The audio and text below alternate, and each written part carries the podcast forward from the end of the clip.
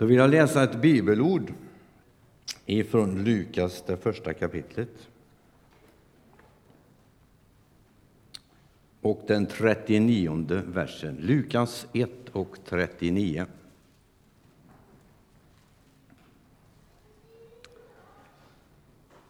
Några dagar efteråt gav sig Maria iväg och skyndade till en stad i Juda bergsbygd. Hon gick till Sakarias hus och sökte upp Elisabet. När Elisabet hörde Marias hälsning sparkade barnet till i henne. Hon fylldes av helig ande. Hon ropade med hög röst. Välsignad är du mer än andra kvinnor och välsignat det barn du bär inom dig. Hur kan det hända mig att min Herres mor kommer till mig? När mina öron hörde din hälsning sparkade barnet till i mig av fröjd. Salig hon som trodde. Det som Herren hade låtit säga henne skall gå i uppfyllelse. Då sa Maria, min själ prisar Herrens storhet. Min ande jublar över Gud, min frälsare. Han har vänt sin blick till sin ringa tjänarinna. Från denna stund skall alla släkten prisa mig salig. Stora ting låter den mäktige ske med mig. Hans namn är heligt. Och hans förbarmande med dem som fruktar honom varar från släkte till släkte. Marias besök hos Elisabet. Ja, det var ju så att eh, Maria hade det inte så enkelt som vi har det ibland. Slänger oss i en bil och sticker iväg. Och snart är vi framme. Nej, långt ifrån. Hon hade en lång och mödosam väg att gå över bergen för att träffa sin släkting Elisabet. Men på sin vandring så bär ju Maria på en stor hemlighet i sitt hjärta och sitt liv. Hon är uppföljd i varje steg hon tar över bergen över det hon har varit med om och det hon har upplevt. Ett änglabesök. Jag tror att hela vägen så ringer ängelns ord i Marias öron och i Marias liv. Det som man hade hört talas om. Du ska bli havande och föda en son och du ska ge honom namnet Jesus. Men Maria hade också fått ett besked från ängeln om att Elisabet, hennes släkting, skulle också föda en son på sin ålderdom. Och lägg då märke till att i den här texten så befinner vi oss i ett skeende där vi möts av gamla förbundet i Elisabet och det nya förbundet i Maria. De möts tillsammans hemma hos Elisabet. Och lägg märke till att nu sker det stora ting i frälsningshistorien. Tiden är fullbordad och Jesus, världens frälsare, träder in över tröskeln till vår värld, in i vårt släkte. Det innebär Guds eviga människoblivande. Guds eviga frälsningsråd som skall fullbordas. Vad då i? Jo, i inkarnationens under.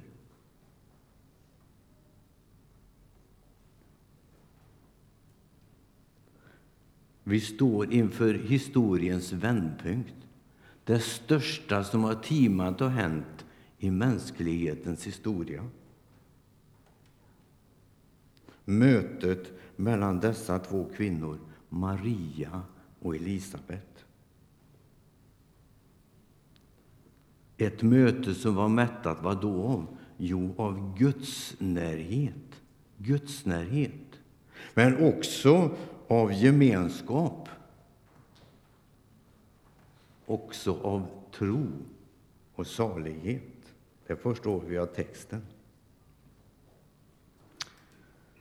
Och vi förstår att Elisabet hon känner stor glädje.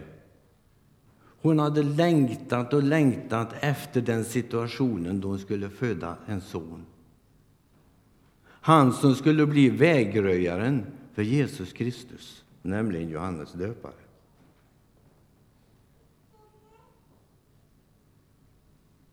Och så upplever hon att nu är tiden inne då hon samtidigt också har genom profeterna sett gång efter gång och tid efter tid hur Messias, världens frälsare, skulle födas. Och nu var stunden inne. Det är klart att glädjen var fantastisk. Nu var man framme vid tidpunkten då man skulle få uppleva det som man hade sett fram emot, det som man hade bett om, det som man hade längtat efter i långa tider. Nu var tiden inne för Guds handlande. Så nu står hon inför Maria Elisabet. Maria som bär Jesus under sitt hjärta.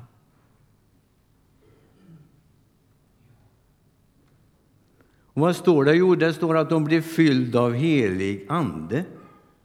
Och därför uppenbarelsen också om att det som Maria bar på, det var Guds son.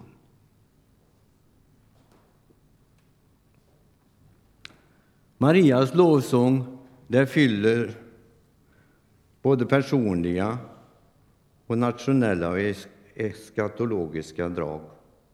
Och den består framför allt av två delar. Jo, Marias hon prisar Gud för hans barmhärtighet emot henne.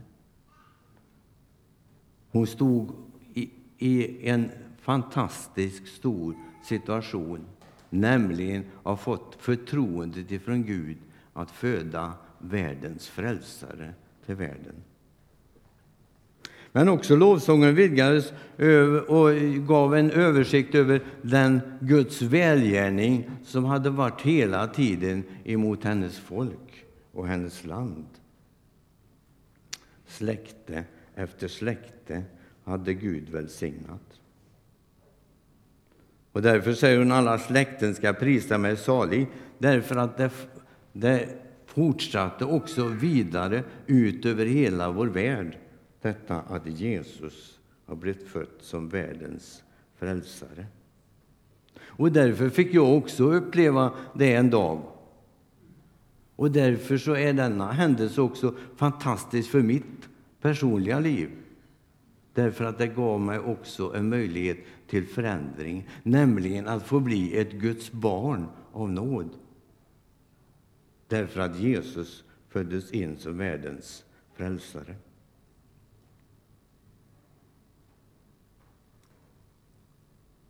Och så säger Maria att hon är Herrens ringa tjänarinna. Hon är Herrens ringa tjänarinna.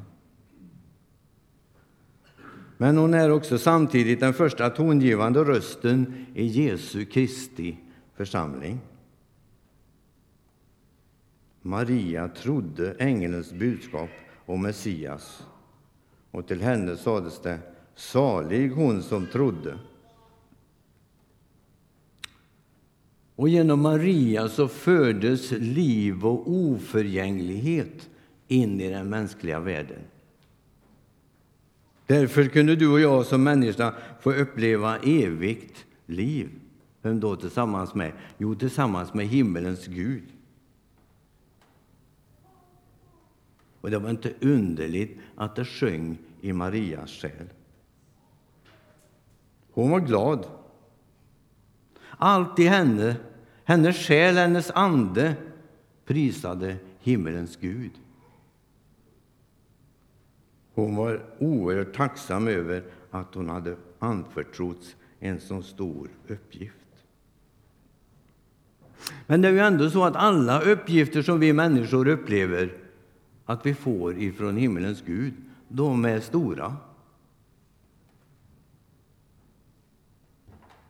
Ett förtroende som Gud har gett oss att han vill att du och jag ska arbeta tillsammans med honom. Varför? Jo, därför att hans rike ska sprida sig ut över hela vår stad, över hela vårt land, över hela vår jord. En stor uppgift. Och att lovsången fortfarande lever ibland oss människor, det är också ett under.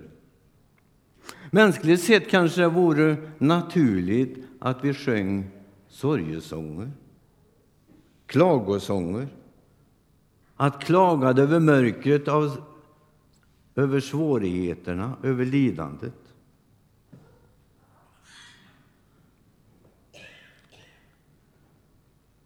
Och många gånger tycker vi kanske att det är en meningslöshet att leva som människa. Men idag då får vi sjunga med Maria en lovsång till Guds ära. Varför? Jo, därför att du och jag som människa har möjlighet att få ta emot Jesus Kristus som vår frälsare i våra liv.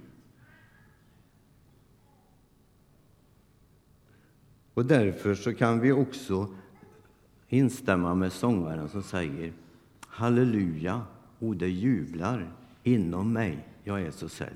Jesus sjunger det där inne, ifrån morgon och till kväll. Halleluja, han har frälst mig, han har frigjort helt min själ. Halleluja, han är min och jag är hans och allt är väl.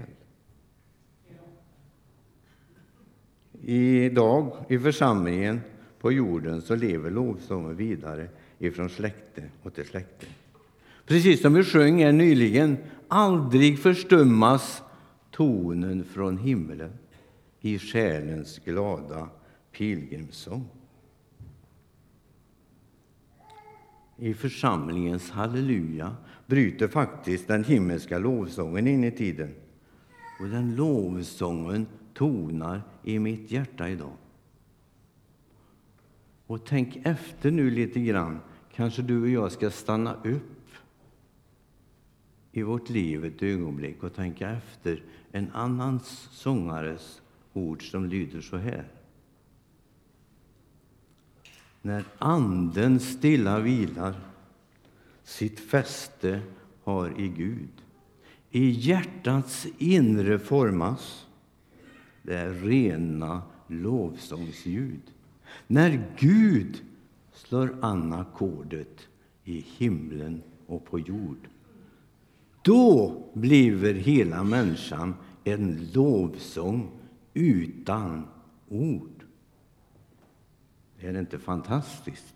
Du kan ta del av hela sången om du har en segerdoner. Den står på 602.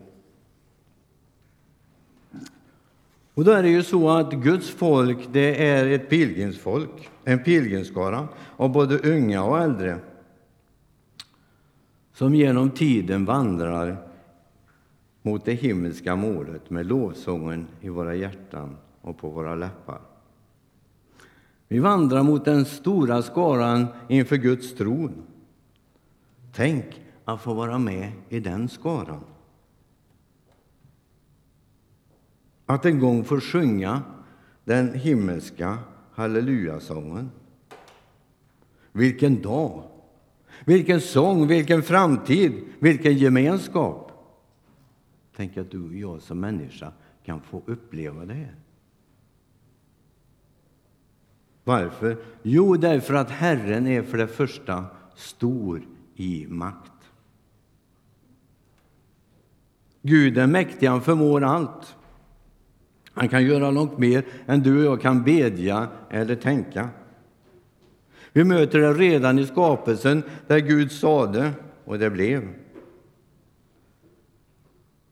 Men vi människor vi talar ofta i termer som att finns Gud? Eller var finns Gud egentligen?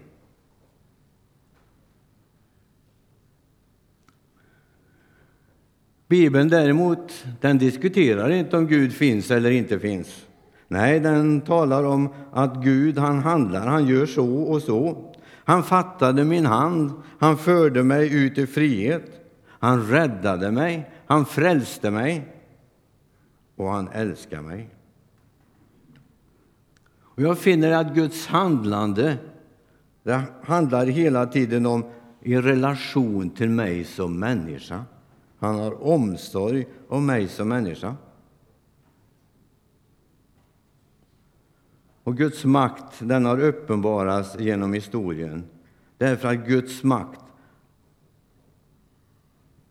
den kan också användas i en ringa och enkelt redskap och då utföra stora ting i historien. Församlingen den förkunnar Guds ord hela tiden. Guds ord om frälsning och evangeliet, glada budskap. Och detta ord det uppenbarades då i Jesus Kristus. Det uppenbarades i korset och uppståndelsen, i det lidande och den segrande kärleken. Och lägg märke till att detta är mycket starkare än ondskans makt någonsin. Men kampen pågår hela tiden. Du och jag, vi ser ofta mörkret. Men segerdagen kommer, och det prisar vi Herren för. För det andra så är Herren stor och barmhärtig, och det är väl tur det för mig som människa. Ja, i min svaghet, att Gud är nådig och barmhärtig emot mig. Det har han bevisat i och med det att han sände frälsaren Jesus Kristus till oss. Honom som Maria bar under sitt hjärta. Han som ska bli som en av oss och lyssna för att vi ska bli som han. En fantastisk sanning. Gud tar sig an oss och därför så föds lovsången i våra hjärtan och våra liv. Och Luther han sa en gång att när jag är alldeles för bedrövad och trött för att be, ja, vad gör jag då? Jo, då börjar jag att lova och tacka Herren och då förändras min situation. Guds barmhärtighet den gäller alla folk, i alla tider. Guds stora och kärleksfulla famn den är vidöppen för oss alla människor.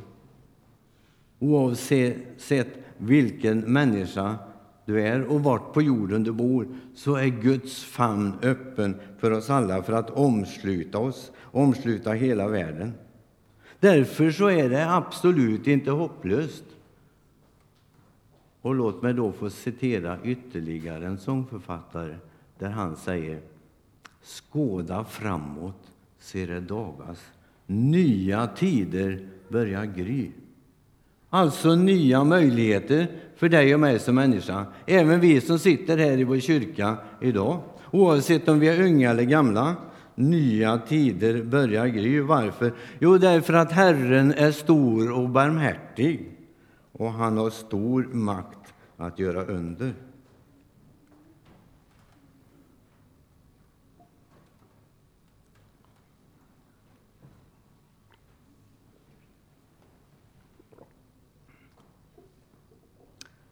Men Herren är också stor i trofasthet. Det innebär att han sviker oss aldrig. Vi lever, och det ser vi ofta, i en stormig och orolig tid och värld. Men lägg märke till att Gud kan aldrig störtas ifrån sin tron. Inget kan göra Guds trofasthet om intet. Varken vår trolöshet eller våra misslyckanden eller våra tvivel. Hur var det då egentligen med Marias lovsång?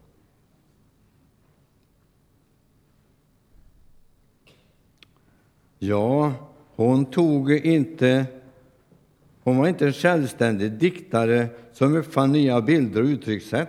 Nej, hon öste ur skrifterna. Och det får du och jag också göra. Vi får ösa ur Bibelns klara ord till oss.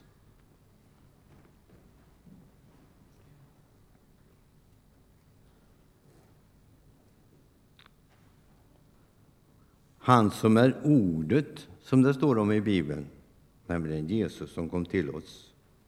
ordet och tron det hör ju intimt samman.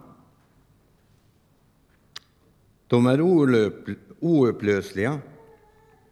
Tron föds av ordet och får näring av ordet och stärks och förnyas av ordet. Och då tron ska tala, ja, då talar den utifrån ordet och vad ordet har sagt. Maria, hon trodde det omöjliga och det orimliga som ängeln hade förkunnat för henne. Hur gör vi?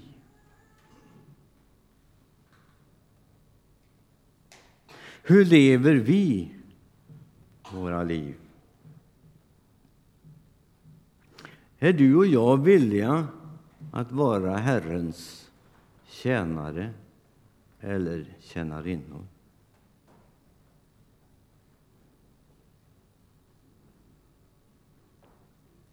Arnold Börud har gjort en sång som lyder lite grann så här. Jesus har en fråga och den lyder så. Vem skall jag sända? Ja, vem vill gå? Frågan gäller alla som tror på Frälsaren. Vill du vara med, min vän? Maria kunde inte tiga. Maria kunde inte tiga därför att den helige Ande uppfyllde henne.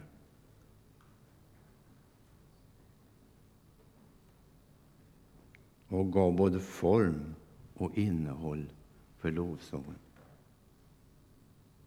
En levande församling där Guds ande bor blir av sig självt en lovsjungande församling. Vilken dag, vilken glädje, vilken jubel! Vi ska få se Jesus så som han är. Vad innebär det? Jo, det innebär det att jag går i stor förväntan. Varför? Jo, därför att något nytt ska hända i mitt liv, i ditt liv. Vad innebär det? Jo, det innebär precis som för Maria. Man kan inte tiga, man kan inte vara tyst. Varför? Jo, därför att lovsången hela tiden flödar. Halleluja, o det jublar inom mig och Jesus själv. cell. Jesus sjunger där inne ifrån morgon och till kväll. Det får vara din och min erfarenhet den här julen 2014. Amen. Himmelske Far, tack för att du vill möta oss var och en, Jesus. Säg nåd till oss alla. Tack för att du förlåter oss vår bristfällighet och tack för att vi får nytt får komma inför ditt ansikte och du gör något nytt i våra liv. Tackar och prisar dig för. Amen.